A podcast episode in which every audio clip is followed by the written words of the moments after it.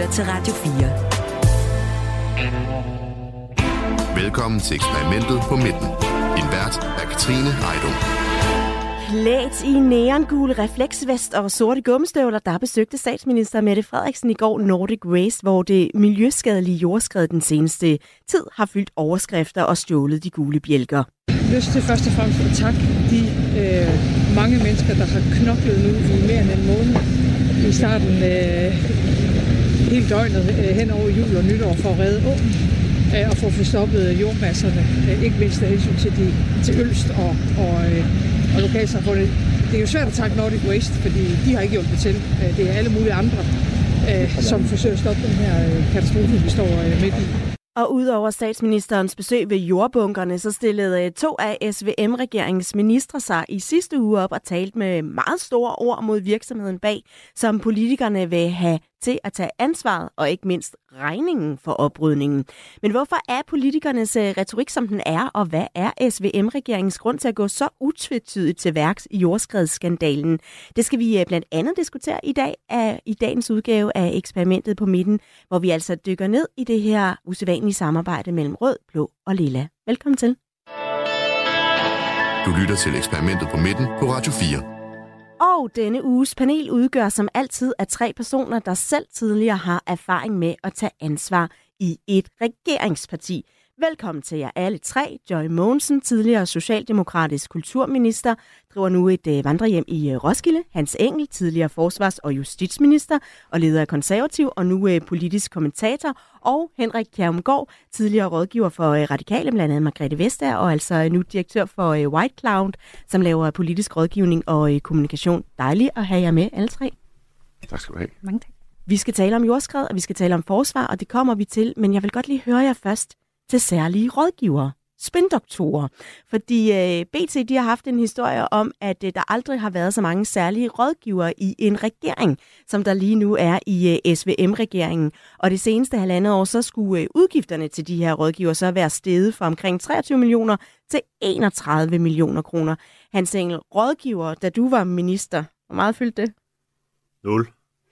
Du havde altså, ikke en særlig rådgiver? Ikke i det ministerie, jeg var. Nej, det, man, havde ikke, man havde ikke det system.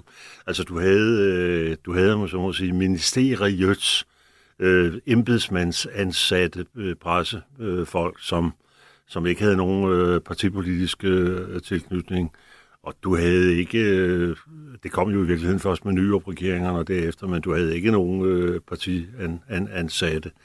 Øh, til gengæld vil jeg så sige, nu skal vi jo andre jo heller ikke sidde og gøre os super heldige, fordi du havde til gengæld et embedsmandskorps, som indimellem var i stand til, skal vi så sige, at, at arbejde på en sådan måde, at øh, de, de udmærket godt vidste, hvad det var for en politik, øh, regering, og hvad jeg også hvad jeg selv øh, ville, og, og det var de så også i stand til at levere på. Det tror jeg nok har ændret sig meget i dag. Altså linjen mellem rådgiver, særlige rådgiver, og så embedsmandsdelen, den er, den er blevet meget mere øh, markant, og det er selvfølgelig også derfor, de ansætter så mange, som de gør. Joy Monsen, du har jo haft særlige rådgiver som øh, kulturminister. Hvorfor var det nødvendigt? Jamen, øh, jeg, jeg, var, jeg havde jo aldrig haft det før, at jeg blev minister, for det har man jo heller ikke ude i kommunerne. Øhm, og, og jeg var meget spændt på, hvordan og hvorledes det ville blive organiseret. Det, som, øh, som jeg oplevede, var i virkeligheden, at det i højere grad var der, hvor, altså vi var jo også en etpartisregering, altså hvor at man, man prøvede på at få ministerierne til at tænke mere på tværs, fordi at det vil jeg jo så også sige, at det kan godt være, at man taler om ude i kommunerne, at man skal blive bedre til at tale på tværs af forvaltningerne, at det bliver i hvert fald ikke staten, der opdrager kommunerne til, hvordan man gør det, fordi at det er nogle meget, meget skarpe skæld, som er utrolig defineret af alt mulig magt og ministerens position og regeringsudvalg og sådan noget. Og der oplevede jeg i virkeligheden, at de der særlige rådgiver fik et fællesskab, hvor de kunne sige, ja ja, og så er vi lige, har vi også lige en, reger- en regering her, som faktisk samlet skal klare sig godt. Øhm, og det, det, det synes jeg var en utrolig stor hjælp, fordi det kunne man også godt sætte departementcheferne til, men der var mange andre ting i spil også der. Og så er der jo også et mediebillede i dag, hvor alle udkommer hele tiden, og det går utrolig stærkt. Øh, Henrik Kjermgaard, jeg ved ikke, om det overhovedet giver mening at spørge en særlig rådgivning om, hvorfor særlig rådgiver er så fantastisk, men, men er, de, er, de, øh, er de uundværlige i forhold til blandt andet også det her mediebillede, man har? Jeg ved ikke, om de er uundværlige. Altså, øh, altså man kan sige, som, som han siger, at altså, det er et nyere fænomen, der, der accelererer. Altså, Nyrup var den første, der sådan, satte det i system. Øh, nu ved jeg tilfældigvis, fordi jeg interesserede mig for emnet, fordi jeg selv har været det, at øh, Tor, øh, Torvild Stavning, øh, Torvild Stavning, han ansatte jo en privat. Så, så han var jo, Tor, øh, Stavning var faktisk den første, der ligesom hævde en ind, som ligesom sagde, at jeg skal have en, der ikke er embedsmand. Øh, øh, hvad hedder det? Så selvfølgelig, som han siger, der har været måder at, at få rådgivning på, og man kan sige, de gange, hvor der har været undersøgt de særlige rådgiver, ja, selvfølgelig har mediebilledet betydning, men du kan sige, at i dag rådgiver mange af dem også om politik. Øh, hvad hedder det? Så du kan sige, i virkeligheden så giver det øh, embedsmændene nogle muligheder for i virkeligheden at være mere neutrale og være mere embedsmænd, fordi du har nogen, der kan give det sted direkte politisk rådgivning, partipolitisk rådgivning. Øh, Øh, det har været, faktisk været undersøgt, og at der er nogen, der mener, at det, det er gavnligt for vores demokrati, at der er folk, hvor man kan sige, jamen Henrik Kjermgaard, han er, han er ansat, fordi at øh, han kommer fra de radikale, eller Kasper Fogh, som sad over hos Joy, øh, eller hvem der nu sidder rundt omkring, at de er ansat, fordi de har et tilhørsforhold, et politisk tilhørsforhold, og derfor kan de give noget rådgivning, som man så kan sige, det slipper øh, departementchefen, det slipper nogle afdelingschefer for at give, om det så er så skarpt opdelt i virkeligheden, når man går ind i ministeriet, det er sådan en anden snak. Øh, så jeg synes sådan set, det er godt. Og jeg tror, altså man kan sige, at ja, den her regering har ansat flere. Man har ligesom givet, givet slip, man har givet fri. Øh, man har også øh, nogle ledende øh, folk i, i Lars Løkke i Moderaterne og, og Mette Frederiksen i, i, hvad hedder det, i Socialdemokratiet, som ikke har den der berøringsangst, man måske har haft over for det tidligere, hvor det ligesom handlede om, jeg er ren, jeg har ikke rådgiver, Øh, det havde vi også. Øh, jeg havde en kulturminister øh, før Joy, der hed Uffe Elbæk, som også han ville ikke have en rådgiver. Den, den, som er der er mange kulturminister, der har sagt nej.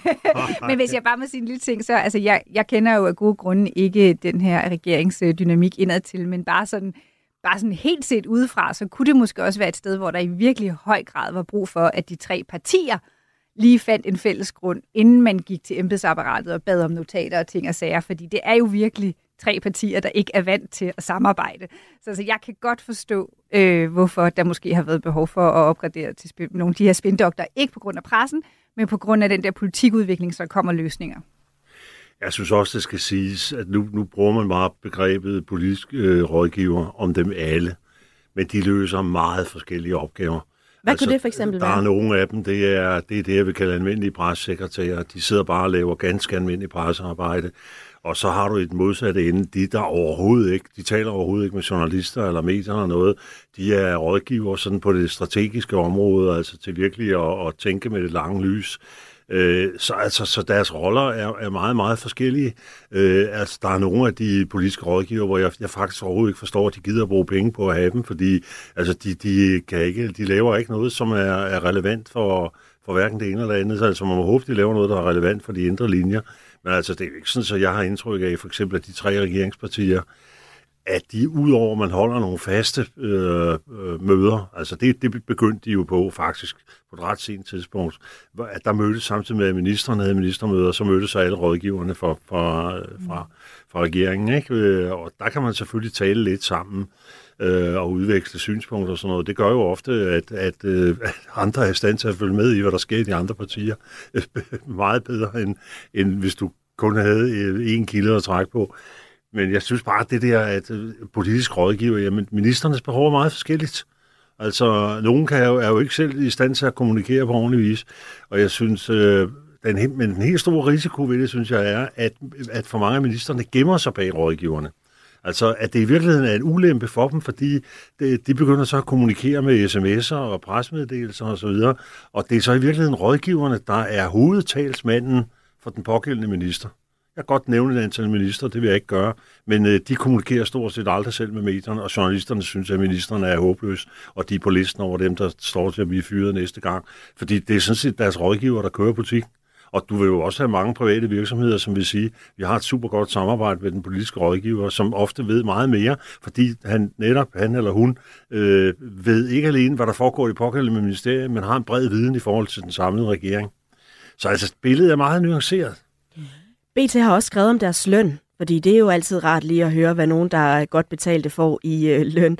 Og øh, den bedst betalte rådgiver i øh, det nuværende regering får næsten 1,3 millioner kroner om året, og mange af de andre, de ligger sådan omkring omkring 1 millioner kroner, sådan øh, plus minus øh, 50-100.000. Og det er jo altså også et beløb, der er steget de, øh, de senere år. Øh, Henrik Jamgaard, nu har jeg jo ikke bedt dig om at tage dine øh, gamle lønsedler med fra din tid som rådgiver, men stusser du? Jeg var rekordhøj. stusser du, når du hører, at alene for statsministeren, der er der ansat rådgiver for 3,5 millioner kroner på årsbasis. Det er tre styks. Nej, altså man kan gå tilbage i BT, og så kan man finde min løn, den var 980.000 om året. Så vidt jeg husker. Måske lige, ja, du skal ikke lige lige over en million, faktisk, ikke. måske lige, men det var omkring en million, så jeg, jeg, 1,3, så tænkte jeg, der, der skete en lille stigning. Nej, det ved jeg ikke. Altså, jeg fik også noget bonus. Ja. Øh, men det var faktisk Martin Rossen, der fik ørerne i maskinen med den der bonus. Øh, hvad hedder det? Nej, BT har altid skrevet de der historier, øh, og det kan man sige, det er sådan en klassisk, den, den skal komme. Øh, så, vil sige, så kan man nemlig sidde og blive lidt farvet over, folk tjener og så videre. Øh, jeg ved det ikke. Jeg synes, altså, det, det er jo igen, altså, jeg er jo ikke, øh, jeg er jo ikke uhelet. Øh, jeg synes, man arbejder rimelig, rimelig solidt. Øh, jeg tror, hvis du spørger mine børn, især de to ældste, så vil de sige, at der var en far, der hang meget i sin telefon, og var meget fraværende i de år. Øh, så du får, altså, du får løn for det, du laver. Altså kan man sige, at det er en høj løn i det offentlige system. Ja, det er det. Den ligger jo op under øh, ministerlønninger og så videre. De vil så også stede lidt. Jeg synes ikke, jeg har ikke noget problem med det. Øh, jeg er måske også lidt svær farve. Øh, hvad hedder det? Og jeg synes, som Hans også siger, altså jeg synes i virkeligheden, jeg, jeg kan også pege på ministerier, både den nuværende og tidligere regering, hvor jeg synes, der er der for mange rådgivere. Jeg kan også pege på nogle, hvor jeg synes, der kunne man godt bruge lidt mere. Der bruger man måske sin rådgiver forkert, eller det er da en mærkelig person, de har ansat. Hvad, hvad laver den person? Øh, jeg tror, at der er nogle minister, de har en rådgiver, øh, som de måske kender øh, fra tidligere fra, fra partiapparatet, eller de har fået sådan en som mig er kommet til Uffe Elbæk og sagt, du skal have hende der. Så sidder de og kigger lidt på hinanden og tænker, hvad skal vi? Ikke? Altså, der er mange forskellige historier. Jeg synes, det hvor det fungerer godt, der i virkeligheden ministeren kan øh, altså have en, en, en sparringspartner i det daglige, som man kan vende stort og småt med, øh, som man også måske nogle gange, når man, øh, det ved jeg ikke om Joy når man kommer på arbejde, og, og man er pisse sur, så i stedet for at lade det gå ud over afdelingschefen og departementchefen, så har man en rådgiver, måske man lige kan sidde og vende livet med. Ikke? Altså, så er det også godt, at man får en god løn, hvis man ligesom skal være... Og så er der, poli- og så er der sådan politisk rådgivning, der er medierådgivning, så kan man øh, snakke med Hans om, hvordan verden ser ud. Der er mange forskellige måder. Altså, jeg, jeg synes, det er godt for vores system. Øh, jeg har ikke sådan men jeg synes generelt, jeg er enig med Hans, jeg synes, der er der for mange, både i det private erhvervsliv og i politik, der gemmer sig bag sms'er og ja. pressemeddelelser og Facebook. Op. Altså de minister, der har de rigtige rådgiver og bruger dem på den rigtige måde, de får også noget ud af det. Og de kan være med til at sætte en dagsorden, og de kan være med til at øh, vinkle øh, sager og forløb og så videre, som vil være til den pågældende ministers øh, store, store fordel. Altså hvis de arbejder ordentligt øh, og troværdigt, altså det er jo også med rådgiverne, at deres troværdighed spiller jo også en stor rolle, men kombinerer de en stor faglighed med, med, med, med sådan, skal vi sige, en hyppig, tæt øh, evne til at kunne vinkle, til at kunne give nogle perspektiver, så kan de altså også få ret, så kan de også få meget stor indflydelse. Så skal vi lige huske på en ting. Det er ikke fordi, jeg skal sidde sådan og forsvare dem, eller være deres forhandlere og sådan noget, men skal lige huske på, de har jo altså også den jobusikkerhed, der består i, at ministeren kan blive fyret, eller kan gå lynhurtigt, eller regeringen kan udskrive valg og så videre. Altså det er, det er en jobusikkerhed, det har andre mennesker selvfølgelig også et eller andet sted, men den er meget høj i det her fag. Velkommen til Hans Engel, Joy Mogensen og Henrik Kjærumgaard altså, og du er også velkommen til at komme med input på uh, sms'en. Det er som altid på 1424. Du lytter til Radio 4. Luftværn og droner og missiler og torpedoer, ja, det er altså noget af det, der står på uh, forsvarsminister Troels Lund Poulsens indkøbsliste til forsvaret de næste 10 år. Og uh, i slutningen af sidste uge, der præsenterede han så første del af det her længe ventede forsvarsforlig, og det lød sådan her. Det er en aftale til cirka 16 milliarder øh, kroner øh, over øh, de næste øh, 10 år, øh, som så også gør, at vi øh, begynder at investere ind i de mange ting, som øh, der er behov for i, i dansk forsvar. Henrik Kjermgaard, hvad betyder det sådan konkret for regeringen, at der nu for alvor bliver taget hul på det her forsvarsforlig? Jamen, altså, nu, jeg er jo glad for, at Hans Engel er i studiet, der er en tidligere forsvarsminister, som, som ved lidt mere om det her, end jeg gør. Men altså, det, jeg har noteret mig omkring forsvarsforliget, det var jo, at man lavede den store brede aftale i sommer, øh, hvor jeg synes, noget af det interessante, det er virkelig så mange partier, der er med. Man kan sige, nu har vi snakket meget om den her regering, at øh, der er med stor modstand på koranlov, der er med stor modstand på stor bededag. Men i virkeligheden har den jo lavet utrolig mange meget store forlig, hvor stort set alle partier, altså her Alternativet og Enhedslisten er ikke med i forsvarsforliget, men ellers er det stort set dem alle sammen. Øh, Øh, og det kan man sige, det ligger jo sådan i klassisk politisk forståelse, sådan nogle diskussioner døde. Altså man plejer at sige, at de der store forlig, de forhindrer jo så, at man skal diskutere forsvaret en valgkamp. de skal nok finde på noget andet at diskutere valgkampen. Øh, men det synes jeg er karakteristisk. Det karakteriserer også forsvarsforliget.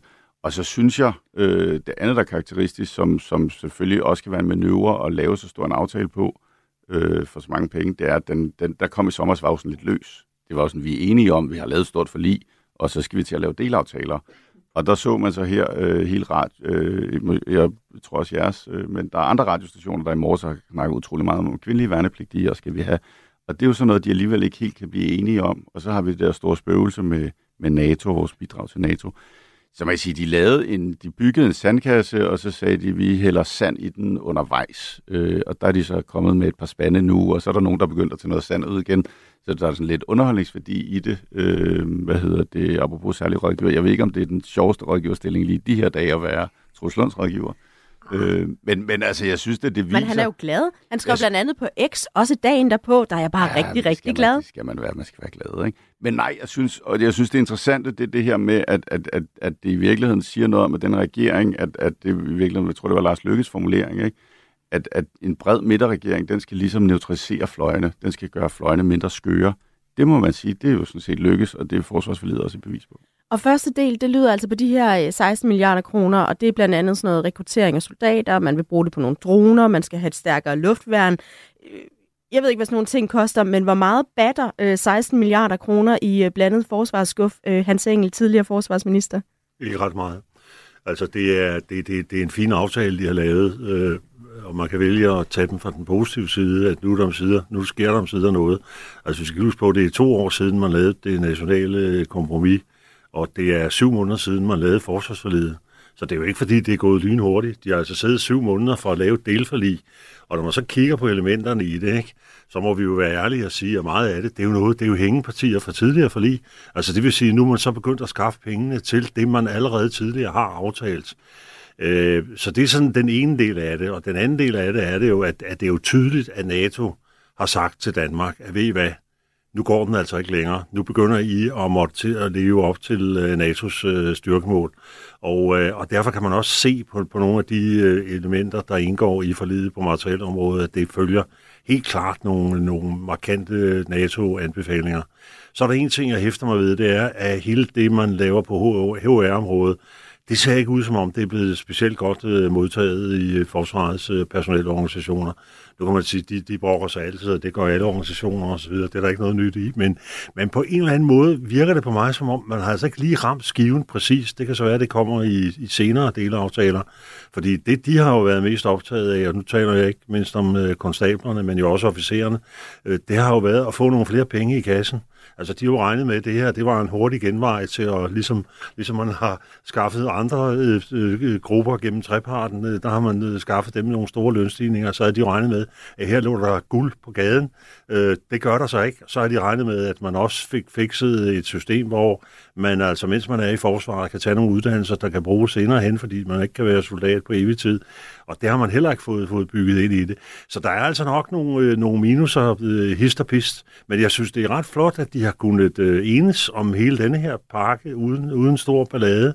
Og jeg er spændt på, om det holder hele vejen igennem. Altså kommer vi til at se alle partier, minus, som Henrik siger, Alternativet og Enhedslisten, at de eneste, der ikke er med, ellers er alle andre med. Kommer vi virkelig til at se det helt i mål? Altså det, det vil være ret historisk.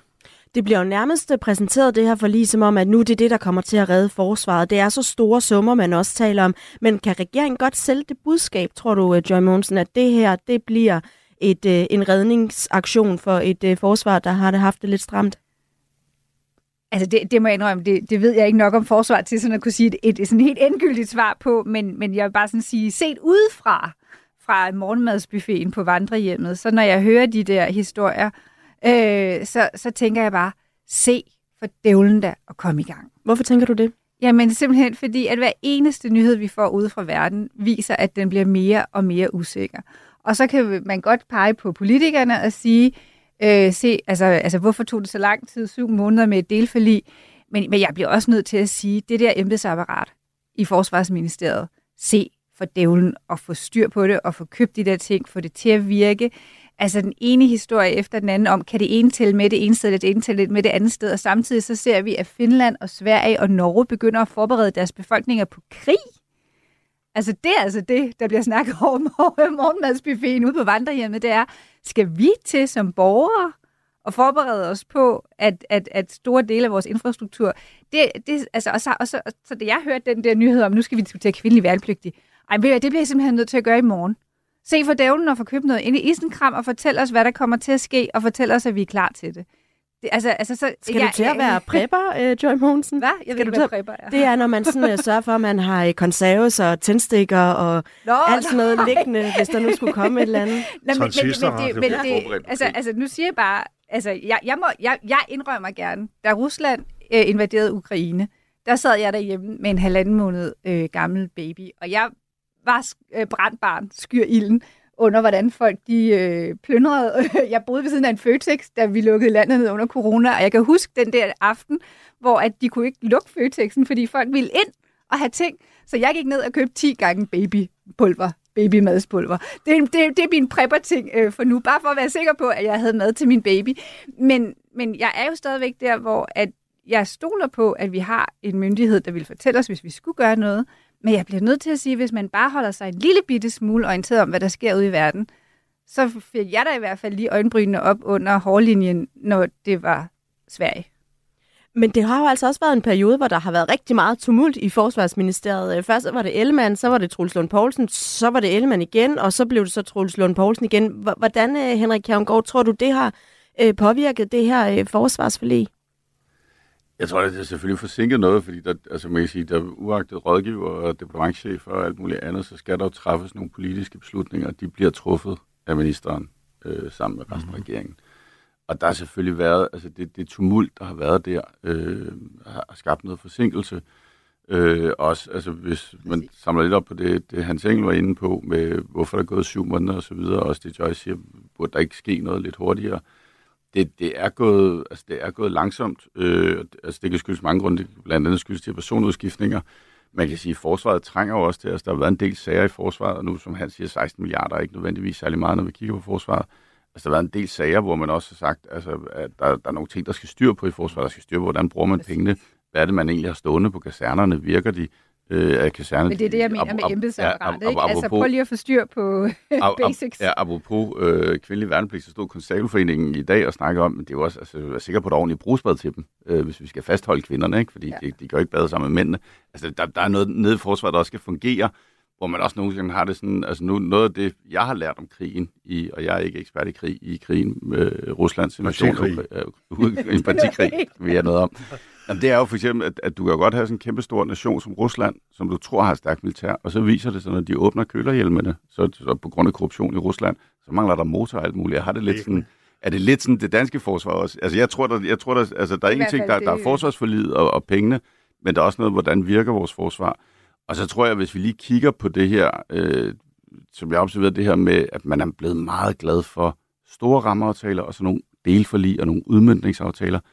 Og der kan man sige, det er jo fordi, man har den her teori om, at hvis en regering gerne vil virke handlekraftig, så skal den hele tiden komme og sige til, til mig gennem medierne og til Hans øh, på Christiansborg, se nu laver vi det, nu giver vi de her penge. Mange af de her penge, de sidder, som Hans også sagde, det er gamle penge. Altså det er jo penge, de er blevet enige om for lang tid siden. Altså der er også noget af alle de her forlig, vi hører om hele tiden, som handler om, så er der noget at hælde i medierne, øh, så hører befolkningen, regeringen gør noget, så har man den her idé om, hvis regeringen handler, så bliver befolkningen glad for den. Så jeg tror også, det, der er gået lidt mode i, for den her regering i, kan vi skære de her pølser meget tyndt? Kan vi smøre det ud? Kan vi gøre det over lang tid? Kan vi... Det er jeg sådan set ligeglad med, hvis der bare stadigvæk så også kommer meldinger fra, fra, fra, fra forsvaret om, at nu kommer der styr på det. Og det er derfor, jeg siger, jeg er helt enig, og jeg er feminist, og jeg vil meget gerne diskutere kvinder i, i forsvaret. Men kan vi ikke gøre det, når vi har styr på, på mekanikken, var jeg lige ved at sige? Er det afgørende for den her SVM-regering, at de kommer til at lykkes på forsvarsområdet, Hans Engel? Ja, meget. Ja, det. Og det er en sag, som øh, altså ofte har statsminister, altså hvis du kigger tilbage over årene, så har statsministernes interesse for forsvarsområdet været ret behersket. Jeg kan godt love dig for, at Mette Frederiksen, hun er, hun er virkelig hands-on i forhold øh, til det her. Ikke? At nu er det Troels Lund, der er forsvarsminister, og dermed en af de andre partiledere, og det skaber selvfølgelig også en særlig situation. Men altså, i dag er, øh, er øh, statsministeren jo meget, meget mere øh, inde her. Så jeg vil lige sige to ting. Det ene det er jo, at Rigsrevisionen, statsrevisionerne, er kommet med nogle forfærdelige rapporter om forsvaret kæmpe huller, 3 milliarder, det ikke kunne finde. Og, og, og, og, og det gør jo også, at de politikere, der sidder der, de har ikke helt den tillid til forsvarets øh, ledelse, altså til embedsværket og til departementet, som, som de måske havde tidligere. Det blev kun lige en pointe, ting. Hans Engel, ja, men fordi, det var, så, jamen, det var så det. Fordi vi skal rent faktisk have plads til øh, nyheder nu her. Så snakker okay. vi videre på den øh, anden side. Der kommer nyheder nu her, hvor klokken den er halv. Du lytter til Radio 4. Velkommen til eksperimentet på midten. Din vært er Katrine Heidung. Vi er tilbage med eksperimentet på midten, og øh, med mig til at se nærmere på øh, SVM-regeringen og samarbejdet på midten, der er altså dagens panel, der selv tidligere har erfaring med regeringsarbejde. Joy Mogensen, Hans Engel og Henrik Kjermgaard. Og øh, nu skal vi se, hvordan det er gået godt for partierne her i løbet af den seneste uges tid. Det er på mange måder befrielsens øjeblik. Ja, befrielsens øjeblik, det er jo der, hvor øh, I har skulle øh, kigge på hver især, hvor at det ligesom er gået øh, op i en højere enhed. Det er måske lidt meget at bede om, men alligevel der, hvor det lykkes for øh, regeringspartierne. Joy Monsen, du får lov at lægge ud. Jamen, øh, jeg, jeg, jeg synes faktisk, at, øh, at, at den måde, regeringen har ageret på i det hele det her Nordic Waste, har i hvert fald vist et forsøg på at prøve på at tage hånd om den her øh, altså kæmpestore skandale, der, der, udspiller sig øh, i, i Randers og omegn. Og som vi skal tale om om lidt. Ja, mm. men, øh, men, men, men altså, det, det er meget, meget svært, også som tidligere kommunalpolitiker, at sidde og se på det, for jeg ved jo godt, at det er kommunerne, der har givet de her tilladelser. Omvendt så vil jeg også bare sige, at der har været virkelig, virkelig stor pres på de der nye store kommuner med kommunesamlægning i 2005-6 stykker, der skulle overtage miljølovgivningen, at nu skulle de også være erhvervsvenlige osv. osv. Og, og man har bare glemt at tænke bæredygtigheden med ind over. Og der synes jeg, det, det var, jeg blev i hvert fald sådan lidt betrykket, da, da, da justitsministeren også kom og flankerede øh, miljøministeren i den her udmelding om, at man faktisk også vil gå meget, meget langt for at øh, holde dem, der har, har lavet det her, velvidende, at, det kunne, altså, at der kunne være problemer ved det, holde dem ansvarlige. Henrik Kjermgaard, hvad har været dit øh, befrielsens øjeblik i løbet af den seneste uges tid for øh, SVM-samarbejdet? Jeg synes faktisk altid, når vi skal herind, det, det er svært at finde det her befrielsens øjeblik, fordi jeg synes faktisk, modsat til Joe, Joy, undskyld, det er jo, øh, hvad hedder det? Øh, så det er jo S-ministerne, der er ude og kritisere Nordic Waste. Hvor er, hvor er Moderaterne, hvor er Venstre? Hvad, jeg er faktisk lidt i tvivl. Jeg måtte ringe til en venstremand i går og spørge, hvad mener I egentlig? Så vi kan vide, at Dalin, øh, kirke- og landdistriktsministeren, havde været på X og mente noget. Ikke? Men, men jeg synes nemlig, det jeg synes, altså man kan sige, forsvarsforlidet, der står de samlet, ikke? Øh, så jeg har stadigvæk sådan en, jeg har valgt sådan lidt at tage sådan en, en afterburner for, for hvad hedder det, øh, for, hvad hedder det, Kong Frederiks udnævnelse. Sige, det var faktisk et af de momenter, hvor du virkelig ser, det er jo så ikke Ej. dem selv, der arrangerer. Nej. Ej, du må simpelthen ikke tage kongefamilien og gøre den til en politisk ting. Jo. Det synes Ej. jeg, det gjorde... Nej, undskyld, det, det, det, det vil jeg faktisk sige, fordi det stussede jeg over som, som ikke sådan, Ej, så, øh, så, hverken så. total royal eller republikaner. Men jo især dit parti og Mette Frederiksen gjorde det til en utrolig politisk ting. Ja, men det blev så også lidt for meget. Jamen, det, det tror jeg, det var et af de få momenter, hvor jeg meget længe, hvor jeg, og derfor siger jeg, der er stadigvæk sådan altså, jeg, jeg tror, jeg tror, på det. Jamen, jeg, jeg, altså, tror, hvor, jeg tror hvor desværre, du har ret hvor, i den brede hvor, hvor der så du Lars Løkke, uh, Truls Poulsen, Mette Frederiksen sammen om en sag, der forenede dem, hvor de sagde det samme, de mente det samme, uh, de var begejstrede, de var utrolig, altså Anne, jeg, har aldrig, jeg, har, kan ikke huske, at jeg har set Anne Halsbro så begejstret, det er jo, det er jo som da hun skulle fortælle om, at hun har siddet ved siden af dronningen og set hende give stafetten videre til Okay, så jeg noterer uh, tronskiftet som uh, befrielsens øjeblik, og, uh, og hvis man vil lytte til, om, uh, om tronskiftet er blevet politiseret, jamen, det er så dejligt, du hjælper med at gøre reklame, Jørgen Mogensen, fordi så kan man høre eksperimentet på midten fra sidste uge, fordi der talte vi nemlig om, hvorvidt at, uh, at det her tronskifte var blevet politiseret af regeringen. Så det kan man lige gå i sin podcast-app og finde. Hans Engel, hvad har været dit uh, befrielsens øjeblik? Ja, jeg har det ligesom Henrik. Altså, jeg, kan, det er ikke sådan, at jeg sidder og siger yes, yes, yes. Altså, jeg ville normalt have synes, at, at forsvarsaftalen var, var, var, var stor, ikke? og det synes jeg sådan set også, den er, men altså, det er sådan lidt, øh, det var det, vi var inde på, ikke? det er lidt øh, indfrielse af gamle løfter.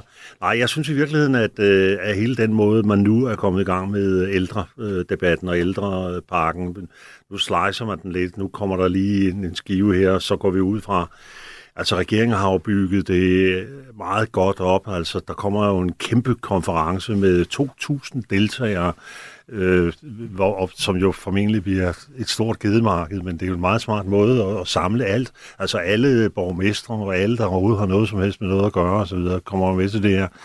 Men under omstændigheder, så, vil der jo komme et samlet, der vil jo ligge et samlet udspil på et tidspunkt. Og det har som i vi hvert fald forventer her i slutningen af ja, januar. det har nogle elementer, som jeg synes er ret øh, interessante.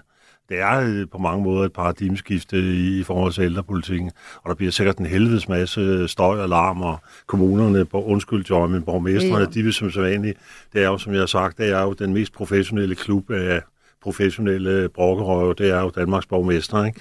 Øh, Der er jo altid noget i vejen, og der mangler altid penge, og der er altid lovgivning, og der er altid det ene og det andet, og 710, ikke? Så, så der skal vi nok høre, at det hele kan ikke lade sig gøre, vel? Og, og, og det er også statens skyld, og det er underfinansieret. Men altså, når alt det er sagt, så synes jeg faktisk, der er nogle gode elementer i det. Det er noteret. Tak for jeres bud på øh, befrielsens øjeblik. Du lytter til Radio 4. Og nu skal vi kigge på det her jordskred i Randers, der altså har sat øh, rystelser sådan i, øh, i hele Danmark, fordi flere millioner ton forurenet jord, som øh, skrider ned mod en øh, landsby, ned mod en å, og så er der jo altså det her selskab bag, som øh, begærer sig konkurs, øhm, og som, hvor vi virkelig kan se, at øh, flere politikere, ministre, har været ude med riven efter øh, manden bag øh, Nordic Waste. Øh, Henrik Kjermgaard, hvorfor er det, du tror, vi ser så mange politikere blande sig i sagen. Nu savner du lidt noget fra Venstre Moderaterne, men man har i hvert fald set socialdemokratiske øh, frontfigurer gå ind og blande sig i det her. Jamen, det, jamen det, hvad hedder det, det gør de jo, fordi at de ved, at det er en populær sag. Altså i virkeligheden, så giver de jo stemme til nogle følelser, som, som, som er i befolkningen. Øh, det er nemt at blive farvet, ligesom det, bliver- man kan blive farvet over, hvad spindokter de tjener om måneden. Så kan man også blive især farvet over det her, fordi det er, altså, det er en kæmpe katastrofe. Og det kan man sige, der er nogle, altså, der er nogle implikationer for de her mennesker, der bor i landsbyen Ølst, som er helt forrygte. Øh, og, og selvfølgelig skaber det farvelse. Jeg er også farvet over det. Jeg er farvet over, at der ikke er nogen, der har styr på det her. Og så er det klart, at, at, at, at så starter medierne med at lave en historie om, at der er en mand, en familie, der har 42 milliarder. De har nogle ejerandel i det her, og så laver man den hurtige kobling. Øh, og jeg vil sige, hvis jeg havde været rådgiver for Magnus, eller Peter Hummelgaard, eller Mette Frederiksen, vil jeg sige, pas lige på med at gå ud og sige det der. Hvorfor det? Fordi, kan I huske, da fagbevægelsen sagde, at det der med at afskaffe store bededag, det var noget ondskabsfuldt noget, og de fik 50.000 mennesker til at stå nede på Slotspladsen, og de fik underskrifter. De skabte en masse farvelse, men de kunne ikke forløse det. Stor bededag blev afskaffet. Mette, hverken Mette Frederiksen, Peter Hummelgaard eller Magnus Heunicke kan få Torben Østergaard til at finde nogle penge. Eller kan, de kan muligvis lave noget, det er der så nogen, der er inde på. Der er nogen, der er inde på, nu skal vi kigge på aktionærloven osv. Så, videre. så vil der komme nogen ud og sige, hvad skal aktionærer være ansvarlige for? Og hvis det virkelig er groft neglect, så er der mulighed for at hvad hedder det, retsforfølge dem. Men vi er allerede ude i dag, hvor øh, hvad hedder det, Geos er kommet med deres undersøgelse, der jo også peger nogle rimelig kraftige fingre på kommunen og siger, at der er nogen der. Det kan godt være, at der også er siddet nogen hos Nordic Waste, det skal jeg overhovedet ikke sige, som også har handlet øh, med neglect. Altså, de har jo flyttet en vej, de har flyttet en bygning. Øh, der er jo nogen ude i dag, der har, for de har Geos, der sagt, man kunne sådan set godt se jorden bevæge sig, så der er nogen, der ligesom ikke har ragt hånden i vejret. Men der har også været lokalpolitikere derude, der har sagt, jamen vi har faktisk bedt om kontrol, og, og, og det vil vi få vide, forvaltningen siger det fint. Jeg tror, der er mange, der så at sige har beskidte fingre i den her sag, og jeg vil være meget påpasselig. Det er nemt, fordi du, du, du spejler nogle følelser i befolkningen. Er populært, hvis du går ind på selv på Instagram, som normalt er det pæne medie. Altså det flyder også over med vrede mennesker, der, der, der poster billeder af ham og siger, boykot Jensens Bøfhus og alt muligt. Ejeren for Jensens Bøfhus må ud og sige, prøv lige at høre, det kan godt være, at han ejer lidt eller engang har ejet. Men det er altså ikke 15%, mine, tror jeg, mine medarbejdere, der har lavet det der jordskred, så behandlet dem ordentligt. Ikke? Altså, vi har en utrolig vrede, vi gerne vil af med i det her, og det kan jeg godt forstå. Og der tror jeg bare, at man som politiker, og måske altså som justitsminister, øh, Hans Engel har været til justitsminister, og som statsminister, skal man måske være lidt forsigtig med, hvad er det? Altså, jeg synes, snakker vi meget om trumpisme og alt muligt andet. Hvad er det for nogle følelser, du accelererer i befolkningen? Fordi kan du rent faktisk tilfredsstille dem bagefter? Fordi det er der dem, jeg kigger på og siger, dem, der skal være med til at rydde op i det her, det er ikke nødvendigvis kun dem, der har været med til at lave balladen, men det er jo faktisk også vores politikere. Altså ligesom Joy siger, vi skal da være trygge ved, at hvis vi, hvis vi har i stor overhængende risiko for krig, så er der nogen, der skal komme og sige det til os. Vi skal da også være trygge ved, at der er nogen, der kan kigge på sådan en sag her og sige, hvordan forhindrer det er sket. Vi skal selvfølgelig finde ud af, hvorfor det er sket, og, og, og hvem skal betale. Men vi skal også finde ud af, hvordan forhindrer vi det sker en anden gang. Lad os det er lige, set det vigtigste. Lad os lige prøve at høre, fordi der var det her pressemøde i uh, sidste uge, hvor det var uh, Magnus Heunicke, miljøminister, og uh, Peter Hummelgaard, justitsminister. Og der, uh, der satte de uh, fart på retorikken, også i forhold til, hvordan de uh, omtalte de her ejere af Nordic Waste. Jeg synes, det ville være det rigtige at gøre, hvis det er, at folk fra ejerkredsen de stiller sig frem, svarer på de spørgsmål, som I har blandt andet, svarer på de spørgsmål, som vi og andre politikere også har på Christiansborg, i stedet for at gemme sig bag deres store formuer og flotte biler. Altså, de, kan jo ikke, de, de kom jo ikke med noget sådan politisk på det her møde. Det var egentlig mest øh, den her øh, morale, eller i hvert fald en eller anden form for standpunkt over til øh, for, øh, for øh, befolkningen i forhold til, hvad de synes om det her. Hvor usædvanligt er det, Joy, at man stiller sig op på sådan et øh, doorstep og, og begynder at, øh, at tale sådan om øh, en navngiven person?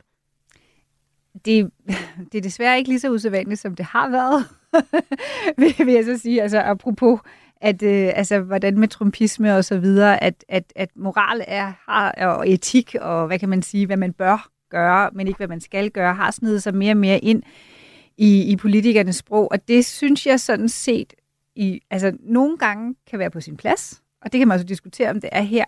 Jeg mener, det er det. Mm. Øh, og, og det er så fordi, at jeg, jeg tilhører den del af befolkningen, som, som, som savner at vi også begynder at tale om altså, vores individuelle ansvar for den her bæredygtighedsdagsorden. Det er som om, at der bliver lavet uendelige programmer omkring hockeystave og latterliggørelse af, af, af politikernes ageren, men jeg bliver bare nødt til at sige, at der er altså simpelthen også nogle ting, der skal ændres i vores egen måde at agere på. Og der, der, der, der bliver jeg nødt til at sige, altså der er jeg pludselig nok fuldstændig enig med, med Hummelgaard, i at jeg er også træt af, at det er simpelthen for let at være virksomhed. Og, og, og lave de der store, flotte konferencer, ligesom regeringen nu også har lært at gøre, øh, hvor man samler folk og siger alt det rigtige, og så når det går galt, så sender man en eller anden ting ud. Og det, og det, og, altså, det, det, det er vi rigtig gode til at hudflette politikerne om, men der er sørme også mange andre, der har øh, ansvar for, hvordan at, øh, at, at verden egentlig agerer. Og jeg håber, at noget som det her, jeg er helt enig, jeg, hvad vil du sige, Jan, også, at det, jeg har også svært ved at se, hvordan de kan komme efter, altså sådan, altså lovgive bagudrettet i den her konkrete sag.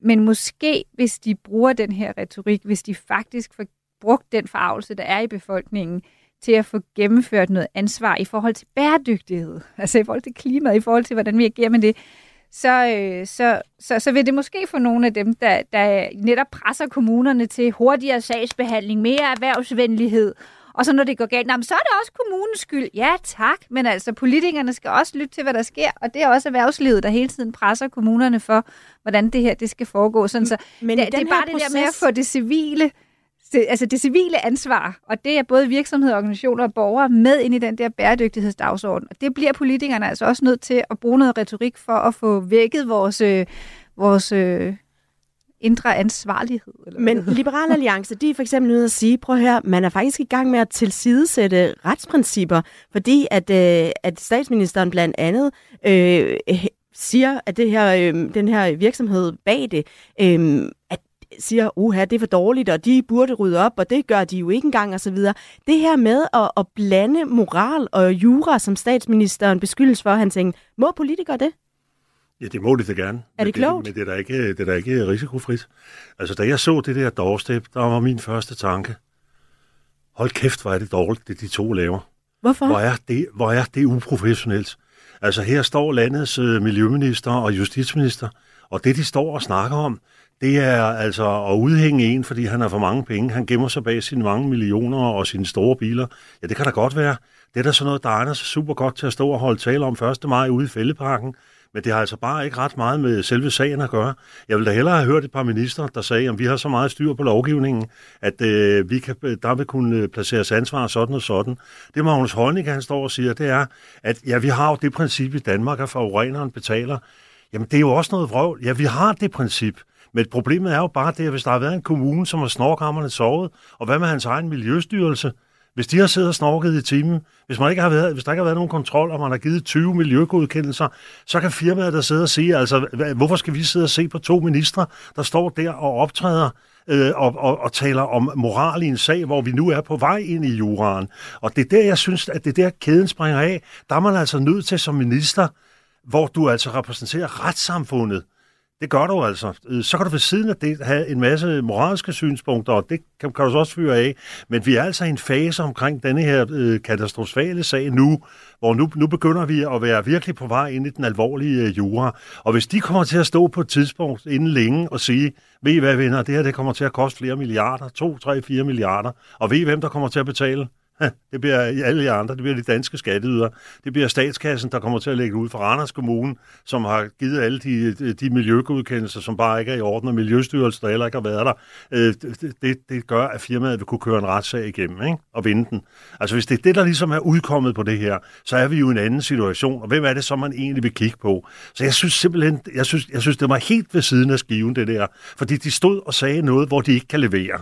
Og, og det er fint med moral, men det er altså ikke, det er ikke helt i orden, hvis det er, man ligesom må sige, at det skyldes sgu, at der ikke har været orden i, i den lovgivning, der er vedtaget på området, og der er en kommune, der ikke har levet op til sit ansvar. Så jeg vil sige, med hensyn til Mette Frederiksen og Magnus Heunicke's besøg derovre, der hørte jeg statsministeren på den måde, at Mette Frederiksen er selvfølgelig dybt optaget af den her sag, og hun ved formentlig et eller andet sted også godt, at det er statskassen, der kommer til at holde for. Men jeg ser nu altså også hendes bemærkninger i det større perspektiv, fordi det handler ikke bare om det her derovre. Det handler også om, generelt står vi nu øh, med klimaudviklingen overfor en række katastrofer med oversvømmelser, steder, der ikke har været det, huse, der skvatter i havet, og øh, altså, der er så mange påvirkninger så mange steder, hvor, man, hvor enkelt familier, hvor enkelt virksomheder, hvor enkelt kommuner øh, enkelte områder ikke vil være i stand til at håndtere det. Og derfor er man nødt til at tænke i de baner, hvordan skal vi økonomisk øh, på statslig vis prøve at gøre et eller andet, hvor vi kan rykke ud, når der, når der kommer det, som altså er, er skabt af, af noget, af noget øh, klimatisk. Øhm, altså jeg tror, jeg tror, vi skal regne med, at der kommer lovgivning både på aktieselskaber og alle mulige konkurser osv., men der kommer der også generelt i forhold til øh, til at øh, modvirke og kompensere for, for øh, sådan nogle kæmpe katastrofer. Nu var øh, de måske lidt hurtige, de to ministre, det kan måske ende med at blive en boomerang. Det er i hvert fald sådan lidt, jeg har hørt øh, du sige det, han tænkte. Men Henrik Kjermgaard, havde det ikke også været mærkeligt, hvis man slet ikke havde hørt fra politikerne på noget? Der er så meget øh, det, vi alle sammen taler om øh, i buffeten, og hvor vi ellers er henne.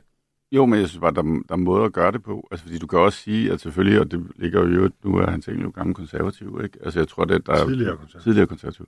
Så du, du kan jo godt gå tilbage og finde store konservative erhvervsfolk, som udviste et samfundsansvar og et samfundssind, mm, og betalte tilbage til samfundet og sagde, ja, jeg har tjent, lad os bare sige 42 milliarder for sjov.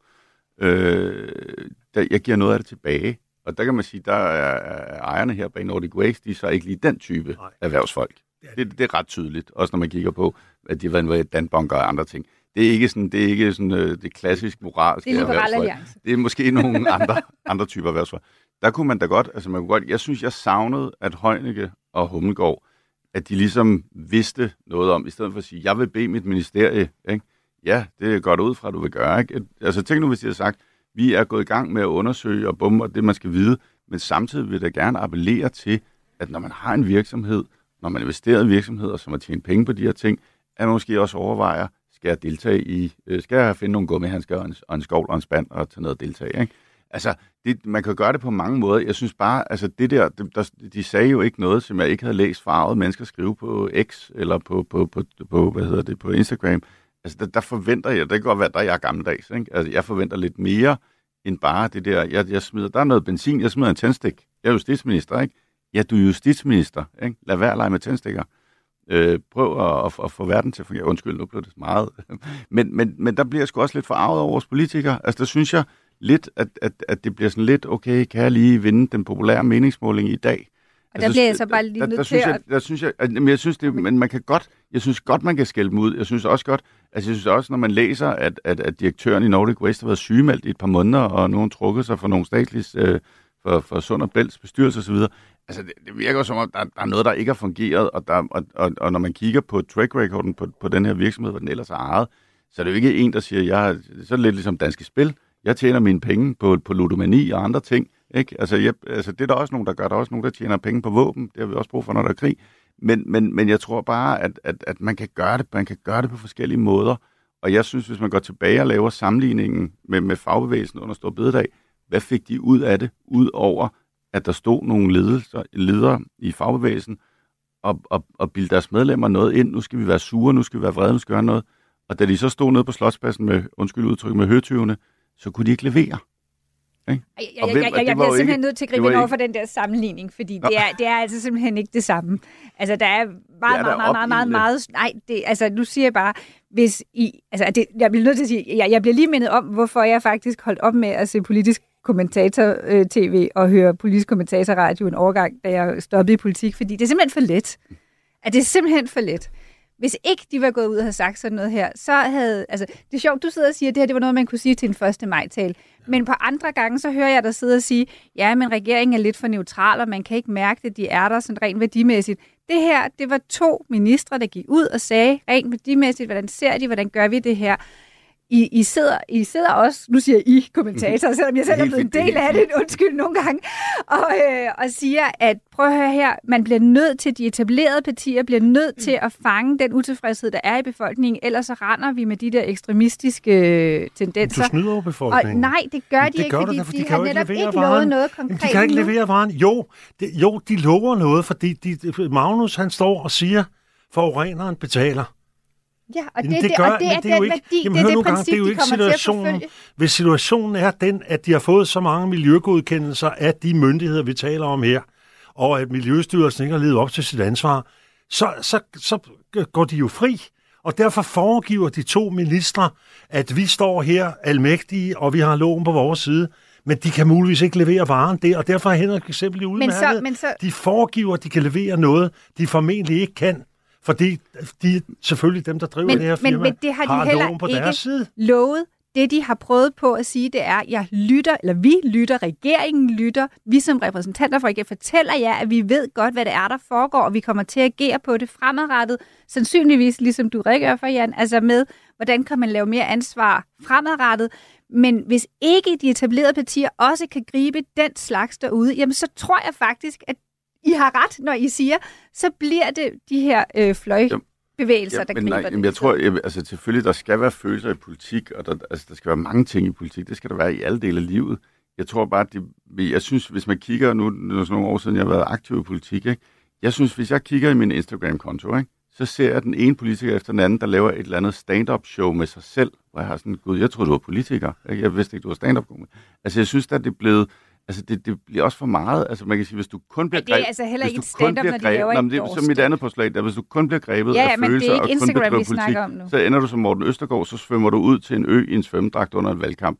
Så ender du som, som Dansk Folkeparti, der stiller et forslag om, nu vil vi udvise øh, sindssygt mange indvandrere, fordi de måske har tænkt noget forkert. Fordi så griber du bare det populære. Jeg synes da også, ligesom en, en virksomhedsejer skal vise noget ansvar over for den verden, ligesom vi alle, alle borgere skal vise ansvar, så skal politikere også. Det er derfor, jeg stemmer på dem.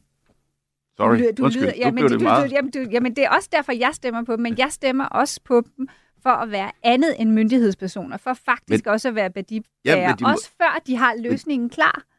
Fordi at ellers så bliver de bare embedsmænd. Så kan vi lige så godt have embedsmænd. De kan også stå og sige, hvad ved vi, og hvad ved vi ikke, og hvad er lovgivning, og hvad kan vi sige nu? Jo, men som jeg, Du det er altså, ikke du det, jeg jeg sagde, leder som jeg sagde men du de må, der må godt være følelser i politik, men politik er ikke opera.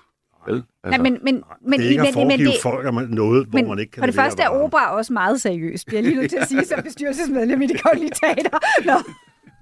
Der er øh, følelser i studiet, og det diskussion. øh, er i hvert fald øh, rigtig dejligt. Jeg beklager, jeg bliver nødt til at lukke ned, men altså når vi ikke alt det, vi skal. Radio 4. Ikke så forudsigeligt. Vi skulle øh, egentlig også lige have snakket om øh, ugens bastard, men den hopper vi bare øh, flot og elegant henover. Der er måske også allerede øh, givet lidt nogle bud på, hvad det er, der ikke er gået så godt for regeringen i den her uge. Øh, vi skal lige binde sløjfe på programmet med at kigge på, hvilket parti af de her tre partier i SVM-regeringen, der har klaret sig bedst i ugens løb og fået mest ud af regeringssamarbejdet. Hans Engel, hvilke af de tre regeringspartier synes du øh, løber med teten i den her uge? Ah, jeg synes, øh, man kan sige, det at Troels øh, Lund har fået sit forsvars første del af sit forsvarsforlig på plads, det synes jeg, altså det vil han sole sig i, øh, det, det er helt klart, ikke? Og så kan man sige, at Moderaterne har sådan set også haft en meget god uge. Du må kun de- vælge en. Nå ja, så tror jeg nok, jeg vil tage uh, Troels. Men det, han er skarpt forfulgt af, af, Moderaterne, fordi de har været helt usynlige. Og det er jo nogle gange en øh, fordel i politik også, Joy Mogensen. Hvem, hvilket parti har været, øh, har været det parti, du synes har fået mest ud af Jamen, regeringssamarbejdet? diskussionen har, her har kun skærpet min lyst til at sige Socialdemokratiet. Yes, jamen så noterer jeg øh, et point der. Hvad siger du, Henrik Kjermgaard? Jamen altså, nu forvirrer jeg alle ved at sige S også. Ikke? Altså, ja, så må du lige Mette, sætte et Mette par ord på i hvert fald. afterbønner på tronskiftet, og så selvfølgelig også, at de har, altså, de har brugt øh, Nordic Waste-sagen Nordic Waste til at profilere sig. Jeg er så uenig i det, de har gjort, og jeg tror, de får en boomerang på et tidspunkt, men lige nu, altså der er jeg sikker på, at det folk kan huske for den her uge, det er Mettes besøg, Mette Frederiksen besøg, og så øh, Peter Hummelgaard, der var ej.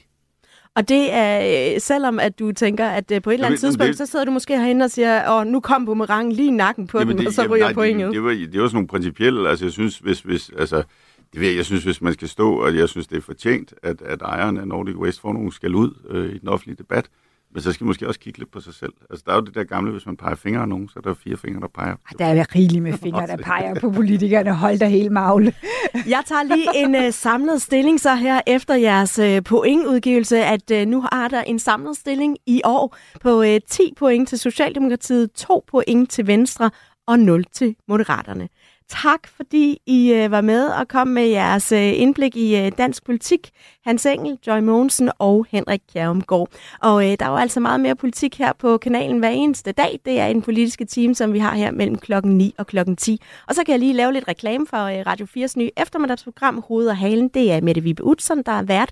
I dag der er dagens gæstevært Søren Fagli, og det er mellem klokken 14 og 16. Du kan lytte til det. Jeg hedder Katrine Ejdum. Vi lyttes ved. Du har lyttet til en podcast fra Radio 4. Find flere episoder i vores app, eller der, hvor du lytter til podcast. Radio 4. Ikke så forudsigeligt.